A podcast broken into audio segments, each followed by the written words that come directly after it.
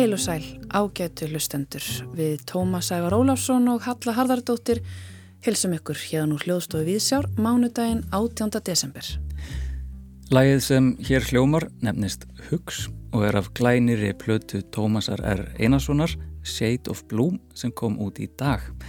Þar er að finna fimm ballöður af fyrirplötum auk tveggja laga frá tónleikum Chet Baker í Reykjavík árið 1985 My Funny Valentine og Don't Blame Me. Platan mun fylgja okkur í þætti dagsins. Og dasgrá þáttar í dag, serotonin endur upptöku hemlar, móður ást odni og sviðslista annál. Til hvers erum við á lífi? Af hverju líður okkur umulega eitt daginn og frábærlega það næsta? Á hverju veldur afstáð okkar til lífsins og hver er eiginlega tilgangur með þessu öllu? Þessar og fleiri spurningar kvikna í huga reynis aðal personu serotonin endur upptöku hemla, nýjustu skáldsögu friðgers Einarssonar. Reynir glýmir við þunglindi og skilur ekki hvernig það má vera þegar hann hefur í raun allt til alls. Saga reynis hefst hjá lækninum sem ávissar honum þunglindislefjum og rekur svo hvað tekur við í lífi reynis þegar lifin byrja að virka. Eða eru þau raunverulega að virka? Við ræðum við friðger um reyni og tilganglífsins í þætti dagsins. Og einnig heyru við í tveimur leikúsrínum okkar sem aldrei þessu vant eru saman með pistil í þætti dagsins. Það er Eva Haldóra Guðmundsdóttir og Nína Hjálmarsdóttir hafa í samanningu litið yfir sviðslistirnar þetta árið og munu í pislisinum draga saman upplifun sína af árinu á fjörunum. En við hefjum þáttinn á bókaríni. Að þessu sinni er það Móðurást Otni, nýjasta skaldsaga Kristínar Ómarsdóttur Við gefum Sofju auði Birgisdóttur orðið. Móðurfólk mitt hjælt ekki dagbækur sem ég veit af. Það afmáði ummerki, gekk svo snirtilega um að það skildi ekki eftir sig efniskend spór. Að skrifa söguna eru því drottinsveg við móðurfólk mitt. Einnig skuld við það og þökk. Svo kemst Kristín Ómarsdóttir á orði um nýjasta skáldark sitt sem ber titilinn Móðurást og undirtitilinn Otni. Undirtitilinn vísa til Otniar Þurriðar og Þorleifsdóttur, langömmu höfundar, sem var fætt árið 1863 í Bræðratungu í Biskupstungum. Það er áhugavert hversu margir íslenski rithöfundar hafa sótt efni við bóka sinna til lífs og lífsbaratu Íslandinga á fyrri öldum nú í ár og undafærin ár. Jafnframt virðist áhugi kvenna á að skrifa sögu formaðra sinna fara vaksandi. Að skáldverkun þessa árs má auk bókar Kristínar benda á völsku eftir nönnu Rakvaldardóttur, Sumarblóm og heimsins grjót eftir Sigrúnu Ölpu Sigurðardóttur og Liti í myrkrinu eftir Ólöfu Dóru Bartels Jónsdóttur. En Kristín Ómarsdóttir er ekki fyrr stíin inn í þennan ströym en hún stígur út úr honum aftur og fer sínar eigin leiðir og kannski ekki við öðra búast. Móður ást, Odni, er einstöki sinni rauð að margskonar hátt. Í fyrsta lagi eru nóvelu eða stuttsögu að ræða, þar sem höfundur bregður upp brotum sem saman byggja upp nokkus konar sneiðmynd að lífi íslenskra fjölskyldu á síðari hluta 19. aldar. Í öðru lagi spannar sögutímin aðeins nokkra mánuði Frásögnin á sér stað á Þorra 1872 en vísar þó oft til fyrirtíma og jafnvel til framtíðar. Í þriðja lagi er sjónarhörni bundi við hérna 8 ára gömlu Otníu sem fylgist með umhverfi sínu og tólkar það sem gerist að mestuleiti út frá sínu barslega og skapandi sjónarhörni út frá tilfinningum sínum og forvitni. Otni býr í tvíluftum torrbæ með foreldun sínum þurrið og þorleifi, sískinum, frændfólki og vinnufólki. Líkt og týðgæðist á sveitaheimilum þessa tíma er fjöldi heimilsmanna mikill og stundum erfitt að henda reyður á personum, ekki síst þar sem margir í fjölskyldinu bera sömu nöfn. En þar kemur ættatrið aftast í bókinni til hjálpar og við annan lestur sem ég mæli með nær lesandin betri tökum á tengslum fólksins. Í gegnum lýsingar otnjar teiknast upp trúverðum mynd af baðstofulífi þar sem fólki vinnur, hlýðir á húslestur og heldur kvöldtökur.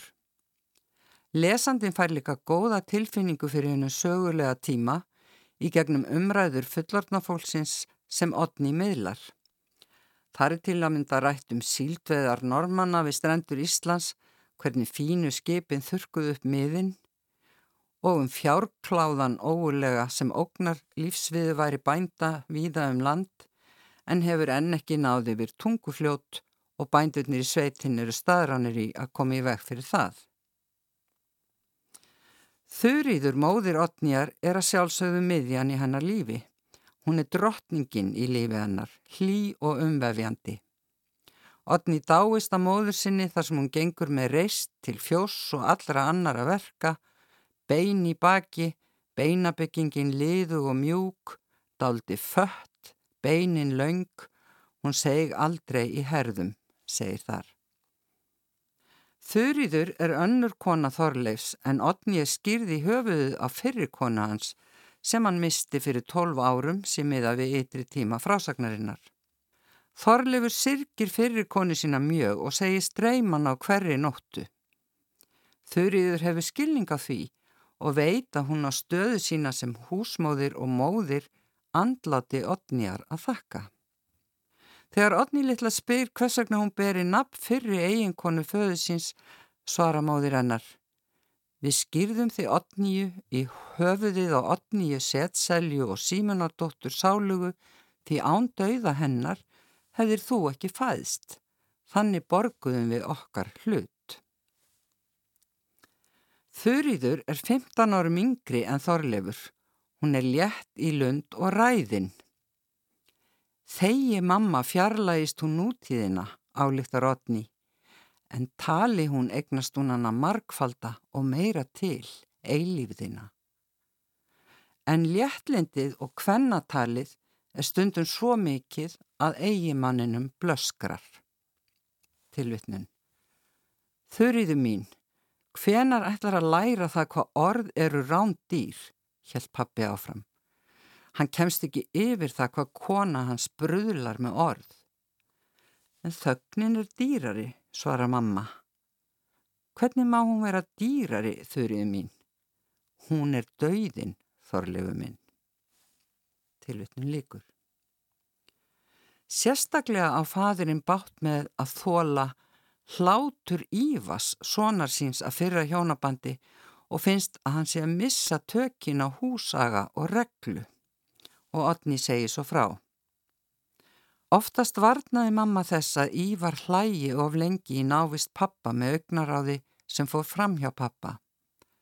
Takkaskildi Guði fyrir að mamma kunni að tjá sig laumulega. Á fyrsta æfiskeiði mínu var Ívar haldinn hláturveiki, sótt eða æði. Hann hló líka ætti grátur betur við.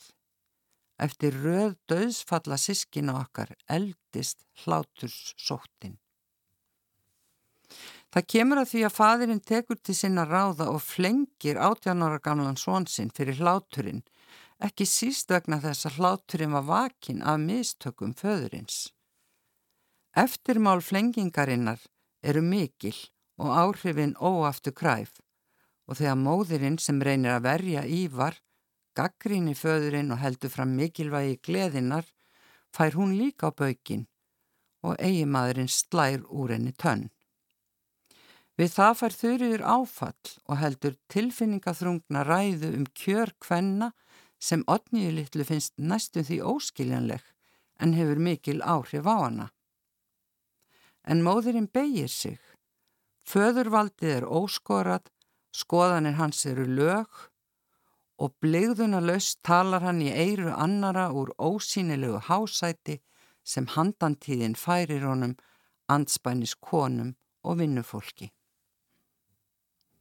Otni dregur eftirfærandi lærdom af þessum átökum foreldra sinna. Engin lái föðu mínum sem sá eftir barsmiðun sínum í sömu mund og hann loftaði svipunni og fann til sárar einsemdar. Einn gegn hópi sem hló af léttvægum mistökum hans. Pappi fann sér hort króaðan í valdastöðu sinni. Taki manniska sér vald, slítur hún sér frá þeim sem gegna því og einsemt verðu kvilli valdsins. Tilvitnun líkur. En andrúnsloftið er breytt. Tilvitnun. Ný sorg fættist í bræðratungu eftir að pappi slóur mömmu tönn og domstól hans hafi ákært, dæmt og refsað fyrir glæp ívars.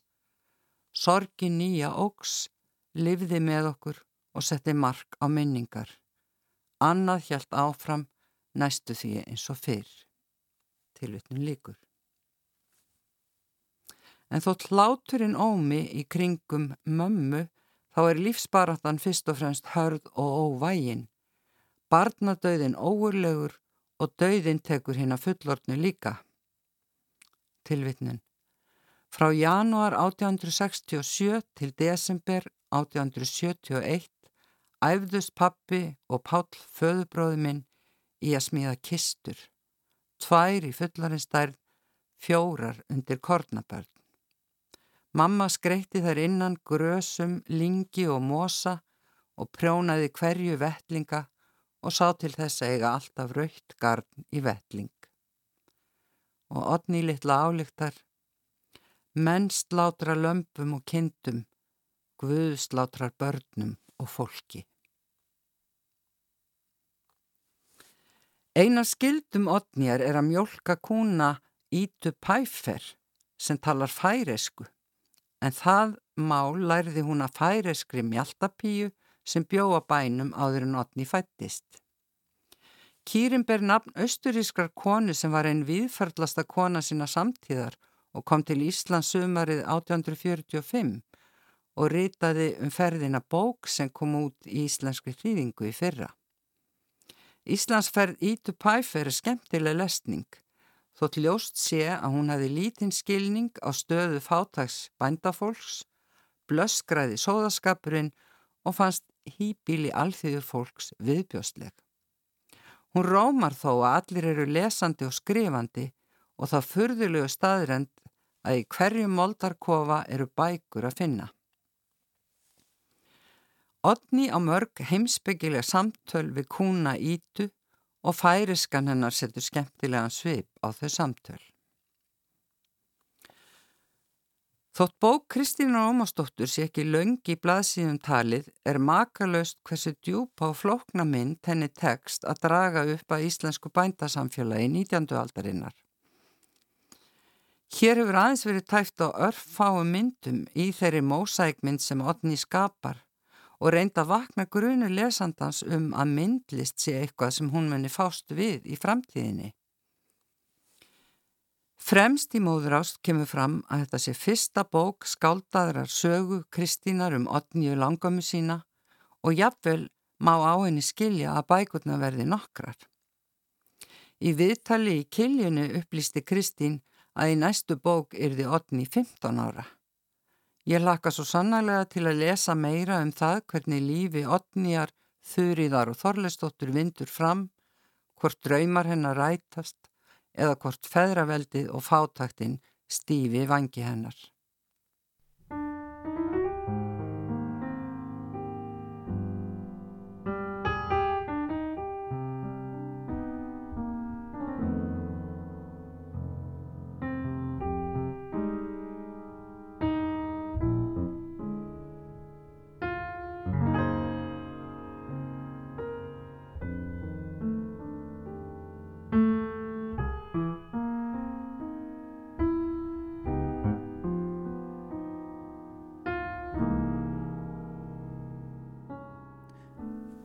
Það var Sofía Auður Birgisdóttir sem saði hér frá skáldsögu Kristínar Ómarsdóttur, móður ást Odni og segist hlakka til framhalsins.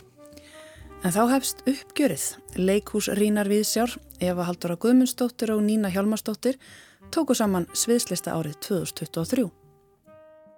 Þegar hort er yfir liðið ár má sjá mikla olgu í sviðslistasenunni. Svo mikla að Rínar Viðsjár áttu fullt í fangi með að halda í við frumsýningarnar og erum við nú orðin þrjú en Trösti Ólafsson bættist í hópin í haust.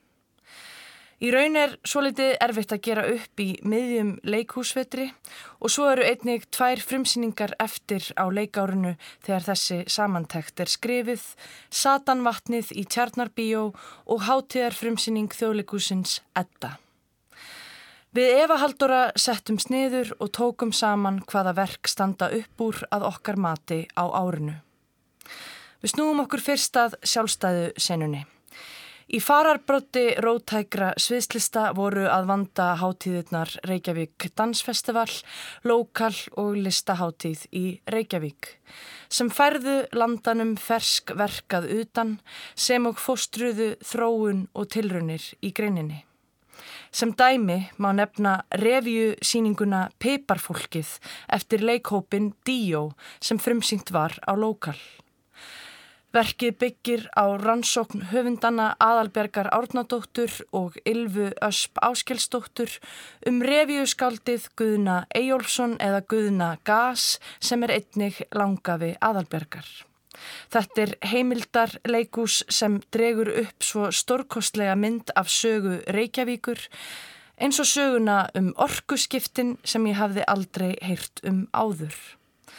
Piparfólkið er hugsanlega vísbending um áhrif alþýðulistar á listsköpun í dag sem og hvernig er hægt að taka brot úr sögunni og stækka þau með ímyndinaraflinu en þessi stórkostlega fyndna og fallega síning mun vonandi sjást aftur á sviði bráðlega og ætti helst að túra um allt landið.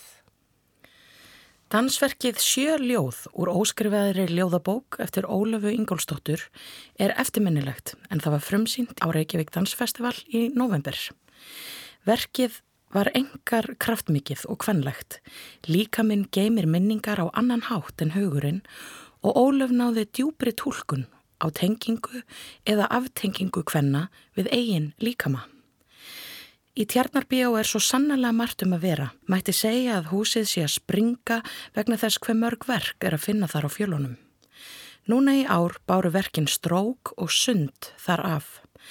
Strók eftir Virginíu Gillard og leikópin notaðist við hefðbundna trúðatækni í bland við heimildir um æfir Virginíu. Verkið var tilraunakjent, hjartnæmt og afar mikilvægt. Andrea Vilhjálmsdóttir, leikstjóri, leti hópin í að augra viðurkjöndum tjáningarleiðum í leikúsforminu og heilaði leikúsið af þeim fordómum og takmörkunum sem við höfum sett því í gegnum aldirnar. Verkið Sund eftir Byrni Jón Sigursson í samstarfi við leikópin var gífurlega fyndið og skemmtilegt. Sund var fagurfræðilega dásamlegt og gaf þjóðinni tækifæri til að endur spekla sig í rannsóknum leikópsins á sundmenningu Íslendinga. En þá að stopnana leikúsinu. Leikfélag Akureyrar setti upp hið metnarfulla og sígilda verk Chicago í byrjun árs þar sem ekkert var til sparað en ég er ennað hugsa um sirkusbröð Björgvins Frans Gíslasonar í hlutverki lögfræðingsins Billy Flynn. Það verður spennandi þegar leikúsið frumsýnir hið svæstna verk And Björk of Course eftir Þorvald Þorsteinsson núna í februar.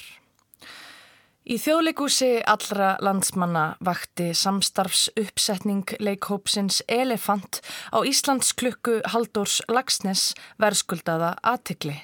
Þar sem þetta öndvegisverk íslenskra bókmenta sannaði enn og aftur erindi sitt í samtímanum. Sýningin kom stöðugt á óvart og hjælt mér hugfanginni allan tíman þar sem hún yfði upp gömul sár sem hafa aldrei gróið og afhjúpaði hvernig nýlenduhyggjan sem við Íslandingar urðum fyrir áður er endursköpuð í nútímanum.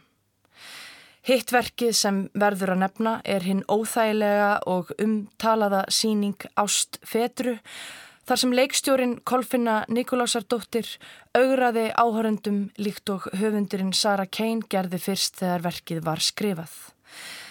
Með vísunum í leikúsklísjur og nýleg meint kynferðisafbrott fer Kolfinna handan grifunar um hver sé saklaus eða segur og afhjúpar fyrir áhörundum hvernig þeim hefur verið innrætt að halda með körlum og hata konur. Verkið höfðar stert til yngri kynnslóðana og fyrðulegt að það hafi ekki verið markaðssett sem slíkt. Hægt er að greina þessa síningu á ótal máta og þar er helsti styrkleiki hennar hvernig hún tekur okkur burt frá svartkvítum heimi og nær hinnu margslungna og óhaldbæra og markar þannig vonandi nýjan tón í leikúsinu. Auk þess má nefna innleikin orð gegn orði eftir Susi Miller í leikstjórn Þóru Karitasar þar sem staða þólenda í réttarkerfinu er gaggrínt harðilega. Ebba Katrín Finnstóttir sínir þá sannar í verkinu að hún er stórkosli leikona og færir þetta áleitna verk nær áhörfundum. Þá er það borgarleikusið. Þar frumsindi íslenski dansflokkurinn samstarfsverkið Ringgrás eftir þeirri huld árnadóttur. Marglaga og fagurt verk um ringráslífsins og líkama móður frá fóstri til fæðingar. Verk Efurúnar Snorradóttur, Góða ferð inn í gömulsár, var frumsind í borgarleikusinu. Verkið dró fram í sviðsljósið sögu alnæmi á Íslandi og horðist í augu við þau samfélagslegu áföll sem hins einn fólk hefur orðið fyrir ekki bara í fortíðinni, heldur líka í dag. Sýningin bendur okkur á að þrátt fyrir áföll og erfiði er það þrautsegjan og ástinn sem saminar okkur. Í saminningunni gerast kraftaverkinn. Barnaverkið Kvíta tíkristýrið eftir Bryndísi Ósk Þotn Ingvarsdóttur vakti gífurlega aðtegli vegna djúbrar og skemmtilegar sögu. Þar sem afleðingar þess ofbeldis sem börnin í sögunni verða fyrir holdgerfast í líkama þeirra. Slempilökka sviðsetti verk sem var algjört augna konfekt og hrífandi fyrir unga sem aldna. Markbreyti leiki og tilbreyði mannverunar verðast hafa verið sviðslistafólki hugleikin síðastliðið ár. Samfélagið er uppfullt af tókstreitu og þversögnum en það erum við líka sjálf. Í verkunum Ástfetru og Strók má greinilega sjá myrkur og ljós mannlegrar tilveru rannsakað. Annað verkið dregur fram að við erum öll ógeðsleg á einhvern hátt en hitt styrkin sem við eigum til að saminast og styðja við hvert annað. En í verkum leikársins endur speglast líka polarisering samfélagsins, hefðin á mótið því óhefbundna, miðjan gegn jæðrinum og tvíhyggjan í andstöðu við margbreyti leikan. Þetta leikár hefur syngt okkur að það er þess virði að fjárfesta í ungum leikstjórum og ákall jáðarhópa um yngildingu þeirra í listum virðist vera að hafa einhver áhrif. Í öllum leikúsunum voru verk með veigamiklum og safaríkum kvennlutverkum. Samstarfið alþjóðlega listræna stjórnundur var líka eftirtaktarvert og umfjöllunar efni verka snerti fólkur ímsum kemum þjóðfélagsins. En eru við að taka nægilega stór skref í kjölfarið á umræðinu í fyrra? Er listin að taka þátt í polariseringunni? Eða eru leikusin að gera mjúkar tilrunir til að endurspegla flóru samfélagsins? Eða eru markaðsöflin í rauninni of sterk til þess að óhefbundin verk, tilrunir og fjölbreytileiki nái raunverulegri fótfestu í menningarlífinu? Nú nýverið jók Reykjavíkurborg styrkveitingu til dansverkstæðsins og tjarnarbíós meðal annars. Þessar stopnanir eru nöðsynlegar fyrir sjálfstæði sönnuna. Setið er um rými dansverkstæðsins til æfinga og síninga og þar sem við eigum ekki þar til gert danshús er dansverkstæði nöðsynlegt í framþróan dansinnunar á Íslandi. Þessi aukning á fjármagni verður vonandi til þess að tjarnarbíó þurfu ekki einungis að reyða sig á söluvænlegar síningar eins og uppistönd og þess áttar, heldur geti styrt sjálfstæðu senuna en betur. Tjarnarbíó og dansverkstæðið eru einir mikilvægastu hlekkirnir í sjálfstæðu senunni og er því nöðsynlegt að þau fái fjármagn til að vera þessi tilrunakendu og opnu sviðslistarími sem þau eiga að vera. Líkt og hefur komið fram í umræðum um písakönnunina þá geta þau sem að eiga að skrifa eða búa til efni fyrir börn og íslensku ekki lifað á því að framleiða það efni. Við hvertum sáran yfir að börn séu ólæs, ekki aðeins á bókina, heldur líka á tilfinningar, menningu og samfélagið. En viljum ekki leggja til fjármagn til þess að framleiða menninguna sem ymmit eblir þetta læsi. Gefur ekki auga leið að þó svo að verk gefur kannski ekki gróða í beinhörðum peningum strax á þessu leikári, þá geti slík verk stött við menningarlæsi þjóðar og mannréttindi jæðarhópa, aukið samkend, heiðrað menningararf, gaggrínt eða haft gífurlegt fræðslugildi. Við verðum að fjárfesta í framtíðlistarinnar frekar en að horfa á hana einungis sem markaðsvöru.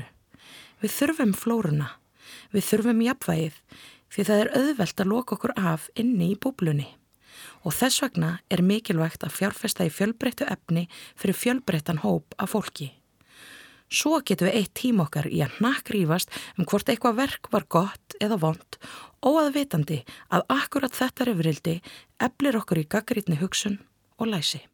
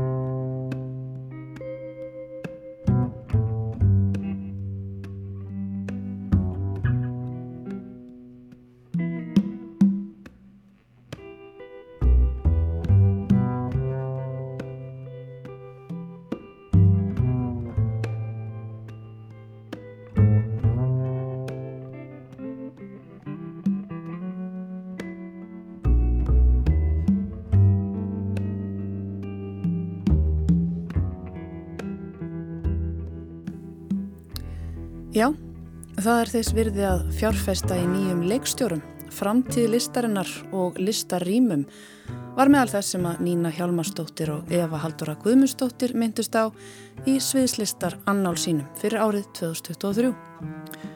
Þá er komið að heimsókn frá reytöfundi hingað í Viðsjá. Friðgeir Einarsson var að gefa út skáldsögu sem nefnist Serotonin endur upptöku hemlar. Bókin fjallar um reyni, fjölskyldumann á besta aldri sem líður alls ekki vel. Reynir veldir fyrir sér stóru spurningum lífsins og Friðger skoður í bókinni mannlegt eðli sem þrátt fyrir allt getur verið ansi fyndið. Halla tóka á móti Friðgeri í hljóðstofu í morgun.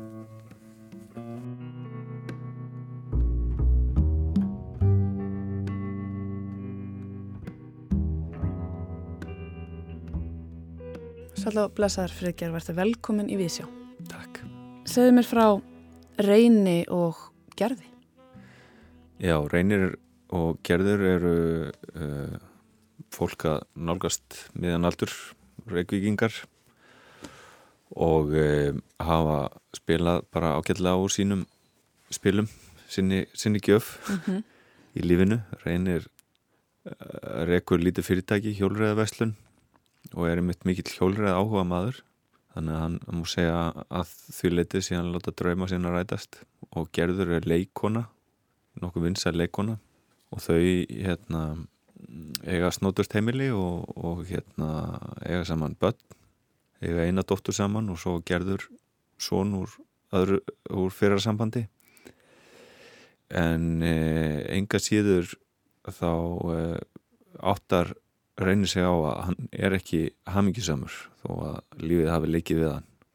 Og hann skilur ekki dagverju þannig að hann hérna, panta sér tíma á, hjá heimilisleikni og, og ber þetta undir hann hvernig, hvernig þetta geti hvernig geti staðað þessu að hann hafi verið svona gæfulegur með allt í lífunu en, en sé ekki hamingisamur og, og, og leiknirinn leysir þetta mál fyrir hann með því að skrifa upp á líf svo kallaða sértæka serotonin endur upptöku hemla sem reynir byrjar að taka inn samdags Mm -hmm.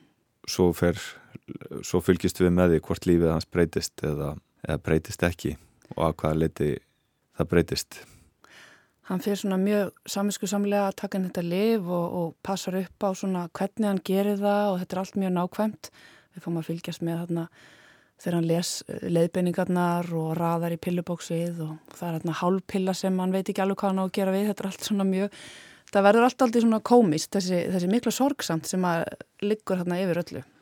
Já, einmitt. Ég, hérna, það er einmitt eh, förðulegt hva, hvernig það gerist að því að ég svona lag, lagði upp með að, að hérna að segja enga brandara ég stundum vinn ég með hérna, eh, stundum skrifa í gamanefni í bæði, bæði finna texta og síðan eh, fyrir, fyrir blöð og, og, og leikús mm -hmm. en í þessu tilfelli þá allaði mér ekki, alls ekki að gera grín heldur Nei. bara fjalla um þetta málefni á, á svona einhvern veginn hlutlegan máta en, en það er kannski svona þegar maður rínir í gerðirnar og hlutina og þá kannski verða þeir skrítnir og ég fyrir fáranlegir og, og hérna þessi fáranleiki vekur kannski stundum kátinu mm -hmm. eða mhm. hlátur hjá okkur fáranleiki hverstagsins. Já. Þetta er svona, það er oft talað um sögur sem segja frá vennilegu fólki í mjög óvennilegum aðstæðum. Það er svona klassísk sögugerð. Þú ert meira svona í vennilegu fólki í vennilegum aðstæðum. Já, Já ég sko, mér finnst sko hverstagurinn og, og, og veruleikin sem við lifum í og að vera fullur af ráðgátum sem ég er spenntur að, að, að hérna rýna í og, og reyna að leysa kannski með takmörkuðum árangri en, en hérna ég hef ekki tengt við svona morgátur eða, eða aðra ráðgátu bókmyndir eh, kannski vegna skorts á ímyndunarafli en líka bara því að mér finnst hérna mm -hmm. Ég, ég er alveg nógu upptökin við að, að reyna átta mig á bara lífi mínu og akkur við erum hér og, og já Það sem, er eiginlega bara stærsta ráðgáttan kannski. Það, já, það er bara eiginlega stærsta ráðgáttan mm -hmm. í, mér finnst það í sjálfu sér alveg nógu örfandi. Mm -hmm. Hún er einmitt sko svona lúms, þessi bók fyrst mér. Hún er, svona, hún er grafa alvarlega nú samt fyndin og greinlega þá sko virðist þú bara, þú segir alltaf að skrifa bókum þunglindi en það virðist bara koma svona ósjálfrátt þessi, þessi fyndni undir. Sko finnst þér mannlegt að eða bara alltaf fyndið og líka þegar það er sko lífið er jafn erfitt og það er hjá reyni, sko dauðin blasir hreinlega við mm -hmm. Já, sko reynir er náttúrulega í einhverjum svona stöðu samtali við hérna sjálfan sig hann er kannski á ekki marga vini eða, eða umgengst ekki eh, marga í sínu lífi mm -hmm. en er í stöðu samtali um, um hérna eins og þetta með pilluna sem hún nendir áðan bara hvað, hvað ég gera við hálfa pillu og hérna hugsar, hugsar allt í drep mm -hmm. og þetta finnst mér bara mjög fyndið sko í rauninni uh, hvernig, hvernig við getum búið okkur til hindranir og, og hérna já, mm -hmm. en hann er náttúrulega sko uh, einn af skelvilegri fylgifiskum þessa sjúdóms og, og þessa uh, hérna, hugar ástand reynir sér þessi þrá ekki hans fyrir dauðanum og, og dauða hugsanir sem sækja á hann mm -hmm. sem eru í sjálfu sér bara skjálfilegar og ég eh, en, en kannski vekjar hjá, hjá manni eitthvað svona já, hvað ég voru að segja. Að svona kindar kannski einhvern veginn upp í einhverju í sálinni sem er, ég veit ekki, við tökum stáfið með, með hlátri. Mm -hmm. það kannski svona klísjanum að sé stutt á milli gráturs og hláturs og að, að hérna já eins og stundum er sagt í amerískum bíómyndum að ég man ekki hvort það var komedían er, er harmleikur pluss tími, já var það ekki þannig? Jú. Að hérna og þó, þó að þessi saga gerist í samtímanum þá er það, þetta er eitthvað svona mannlegur harmleikur sem sem er í rauninni líka bara hlægilegur. Mm -hmm. þegar maður svona getur staðið fyrir utanan Akkurat, ég held sko ástæðan fyrir því að mér fannst hún, eða finnst hún sagan lúmsk, er einmitt þetta því að það er alltaf einhver svona það er bara, sásökinn getur verið fyndin, en svo er þetta líka sko við erum að með hennar mann sem er miðaldra hann er komin í þrönga hjólagallan og er út að hjóla og hann Já. er svo mikið að reyna og, og hann er svo mikið með, með þrákinu í hugunum að veltaði fyrir sér hvað getur mögulega gert lífið þeirra betra, kannski kaupa bíl, kannski það munir breyta öllu. Sko þú gætir rauninni verið að tala um þennan skandinaviska sársöka, mm -hmm. en svo er þetta bara miklu alveglega enn það í rauninni. Já, einmitt. Maður átt að sjá því þegar að fara að líða bókina og einmitt taland um sjónarhátt, það heldur þessi líka mikið til vegna þess að við erum alveg först í hugunum honum en svo kemur þegar líður á bókina þá, þá brítur þetta eins upp og við förum inn í sjónarhorn gerðar já. og þá fáum við svona annað, aðra vitt á þetta alls saman. Akkurat, já. E einmitt, þú nefnir skandinavíska sásöka sem er þá kannski hérna já, hvernig getur okkur liðið svona illa þegar allt er svona frábært Akkurat. hjá okkur eh, og, og það er einmitt það sem hann upplifir og, og, og hefur mikla og sterkar sektakent yfir því líka kannski Mm -hmm. en já, mér fannst mikilvægt að draga fram sko sjónarhátt hans nánustu líka og hérna og þessi persóna gerður fór einhvern veginn að hveða sér Mm -hmm. hljóðs í sögunni að því að hún er náttúrulega líka með mjög mikið innra líf og er kannski að einhverju leiti að díla við sömu vandamál sko. hún er með einhverja svona röttin í höstum á sér sem hún þarf að þakka niður í og, en já, hvetur hanna til einhverja aðgerða sem hún hérna, hún, hún er einhvern veginn knúin áfram af einhverju svona hvað hefur að kalla einhverju, einhverju svona sektakent líka eða einhverju svona Mm -hmm. þörf til að svala einhverjum þrýstingi sem er sem er einhvern veginn já, bara einhvern veginn röddin í höðunni á henni. Já, Einmitt. Og, og kannski líka utanakomandi þrýstingur. Það verist vantaldi líka svona tengsl. Já, Ísak, stjúpsonurinn hann hérna kannski fyrst mér varpat aldrei ljósa það líka. Já, maður finnur aldrei til með honum og, og þeir kallmenninni verist vera að reyna að tengjast á einhvern hátt. Já.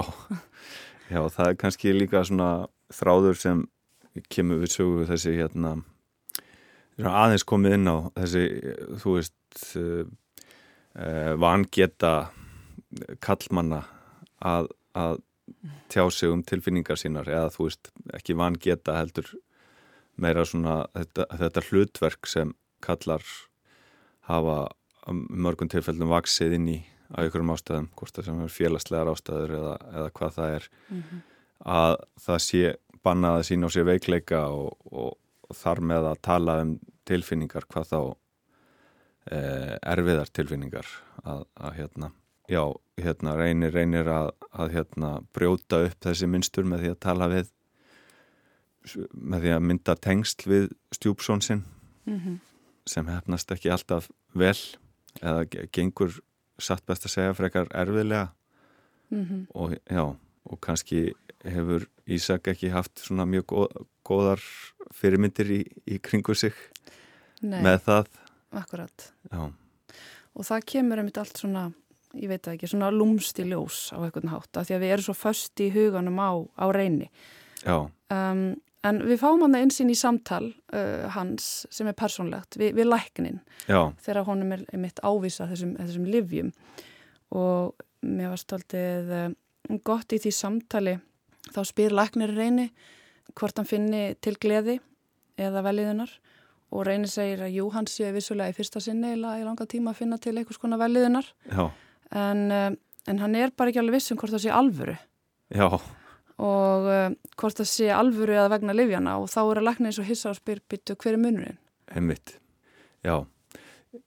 Já, þetta er svona þessi liv náttúrulega lofórðið er þessi liv kalli fram einhvers konar galdur að hérna þú það er náttúrulega ekki, ekki þannig sem þeir eru ávísað sko, að þeim er ávísað og, og yfirleitt eftir, fylgir með og þarf að gera exosilon og setja, fara í sálfræði meðferð eða, eða stundarhefingu eða hvað það er sem er mælt með og gerir líka. En hann hérna stendur fram í fyrir því að geta tekið inn eitthvað sem eigur virkni einhverja bóðefna í heilanum og sem er einhvern veginn svo fjarlægt og afstætt fyrir okkur. Það er bara, svona eins og að tala um eitthvað tölvukerfi eða eitthvað. Mm -hmm.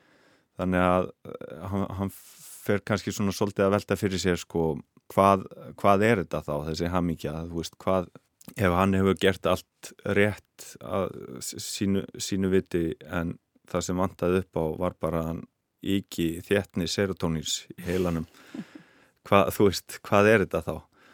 Og þetta verður einhvern veginn svona óraunverulegt fyrir honum og líka bara í gegnum sína sögu og ómeðhöndluðu hérna, þunglindi þá e, sem, sem kannski er slæmt einn daginn en síðan er ástandi miklu skára annan daginn þá hefur hann einhvern veginn svona hægt að treysta raunveruleikanum þannig að það er kannski eitthvað sem hann kann ekki á þessum tímpunkti sögunni hvað, hvað mm.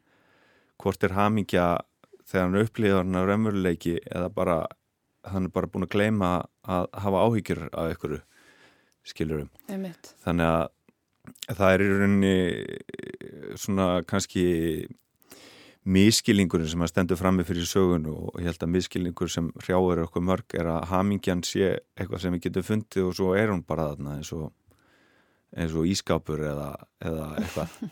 Að hérna þegar, þegar hún er fundin þá, þá náttúrulega er ekki vist að hún hafi viðtvöl mm -hmm. lengi þannig að það er, það er svona eiliða verkefni Já, eins, og, eins og kannski bara halda sér í, í þjálfun eða Já. Það þarf að þjálfa haminguna Þjálfa haminguna, það er örgulega án þess að ég, ég geti lofaði að fólk læri að gera það með því að lesa þessa bók. Ég, þetta er ekki Já, við erum allavega ekki anþá búin að finna töfalaustina það er ekki til uppskrift. Nóg til að sjálfsjálfa bókum en já, já, já. engin einn sem að hafa kannski slegið í gegn. Nei, nefnitt uh, Akkurat, það eru marga spurningar sem að koma upp. Um, sko, en þessi lif serotonín endur upptöku hemlar þetta er náttúrulega mjög, þeim er mjög mikið ávisað hér á landi og þau eru vist meira nótu hér heldur en annar staðar. Er það eitthvað sem þú varst að velta fyrir þau líka? Um, Af hverju langaði þið að skrifa bókum þunglindi? Sko já, hver eru áhugað því? Uh, ég, ég vissi, vissi þetta nú reyndir ekki að það var algengari hér en annar staðar en jú, þunglindi er kannski svona ég las eitthvað staðar að kalla kvef uh, sálfræðinar þetta er alveg glettilega algengt og, og ég veit ekki hvort að hverju það er um að kenna að sértæki serotonin endur upptöku hemla sé svona algengt lif á Íslandi hvort að sé skamdegið eða, eða bara læknar séu séu duglegri við að ávísa þessum livjum eða hafi minni, minni hérna bjargráð þegar kemur að, að hérna meðhöndlun á þunglindi það er náttúrulega Mm -hmm. Gömul sá ný að, að heilbriðskerfið er kannski þjakað af, af ja, það er allavega nóg að gera hjá mm -hmm. heilbriðstarfsfólki Sannlega Svo sannlega eh, En hérna mér finnst það bara áhugavert að já eins og ég segi við búum við hérna alveg kjör aðstæður til að láta okkur líða verð við búum í friðsömu landi og og mjög mörg okkar uh, búa við bara mjög sómasamlega kjör í hlýjum húsum og, og hérna höfum eigum mat og, og allt til alls og, og samt er, er þessi e, sjúdómur svona algengur eins og raunber vitni og hérna samt svona veldu fyrir okkur tilvist okkar hvort það er út af því að við höfum svona mikinn tíma til þess eða eða einhverjum öðrum ástæðum veit ég ekki mm -hmm. en, en já, mér, mér finnst þessi svona um, Kanski höldu við bara öll að hafa mikið að sé eins og ískapur Já, já, maður bara getur keitt sér einn ískap og, og svo er hann bara þarna. Mm. og maður setur hann bara í samband og á hann í 20 ár þá til, til maður þarf að kaupa sér nýjan. En, en hérna þessi bók á sér kannski svona daldið langan feril sem er ekki alltaf beitt sko. Ég svona sáði bara fræjum til að byrja með þetta. Ég held að fyrsta hugmyndin hafi verið að þetta ætti að vera smásagnarsamm. En svo fór bara einsagan bara að taka allt plásið og, og hinn að sögurna voru einhvern veginn allar snertu þetta sama þema sko. Og voru personur svona í, í haminguleit einhverji. Svo spannst bara þráðurinn yfir, yfir allar hinnar sögurnar. Mm. Já og, og hérna reynir þessi hérna persóna sem fólki finnst ekki endilega mjög spennandi var samt einhvern veginn aðal aðal karakterinn bara tók, mm -hmm. tók yfir alla söguna Reynir tók bara völdin Reynir tók bara völdin hjólaði, hjólaði yfir allt Já. og það er sko kannski var pælingin ekki endilega að skrifa bara um þunglindi þó að hún sé fjalli vissilega um mann sem er að glíma við þunglindi eh, en bara um uh, já, um þetta vantraust gangvart veruleikanum sem, sem maður getur byrjað að finna og í rauninni bara um um kannski svona hversu tilfallandi svona þessi lí, líðan okkar er í rauninni og, og svona afstafa til, til lífsins og, og hérna og, og reynir er þunglindum maður sem er líka að reyna að leggja eitthvað svona gildi á, og svona stendur frammi fyrir eitthvað svona gildismati í sínu lífi.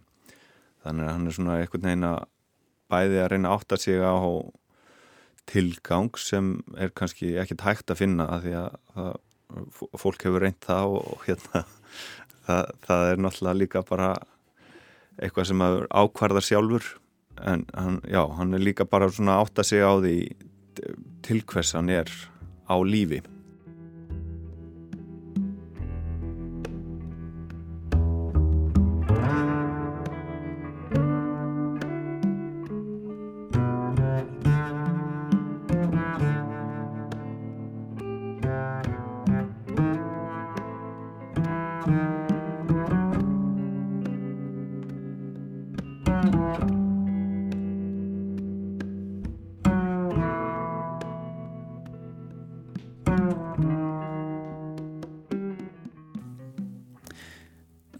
Tónar af nýri plötu Tómasar R. Einarssonar, Shade of Blue, hér á eftir samtali höllu við Friðgeir Einarsson, höfund Serotonin endur upptöku hemla. Og það komið að lokum hjá okkur í dag. Við verðum að sjálfsögðu hér á morgun með fleiri bókadóma, höfundaviðtal og heimsókn í leikús þar að ekki. Við Tómas Ævar og Halla þökkum fyrir hlustun í dag og við ætlum að enda á lægi af plötinu sem hefur fyllt okkur í þætti dagsins, ekki satt Tómas? Jú, vissulega. Þessi platta, Shade of Blue, sem kom út í dag, uh, geymir fimm ballöður, eldri ballöður eftir Thomas R. En líka tvö lög frá tónleikum Chet Baker í Reykjavík árið 1985, þar sem Thomas leg á bassa. Um, ef við mann rétt úr æfisögu hans, þá var hann frekar nýlega að byrja að spila á bassa á þessum tíma. Mm -hmm. Svolítið stórt tækifæri þar að ferð. en um, Chet Baker var vist plataður til þess að flytja lagið sem við heyrum hér, hans uh, þekktasta lag, My Funny Valentine.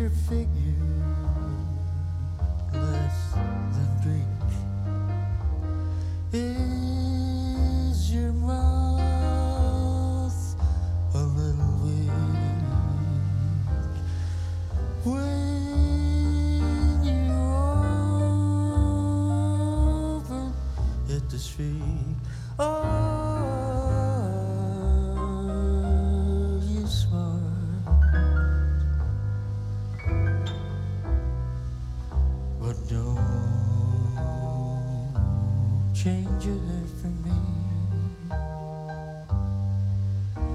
Not if you really care for me. Stay,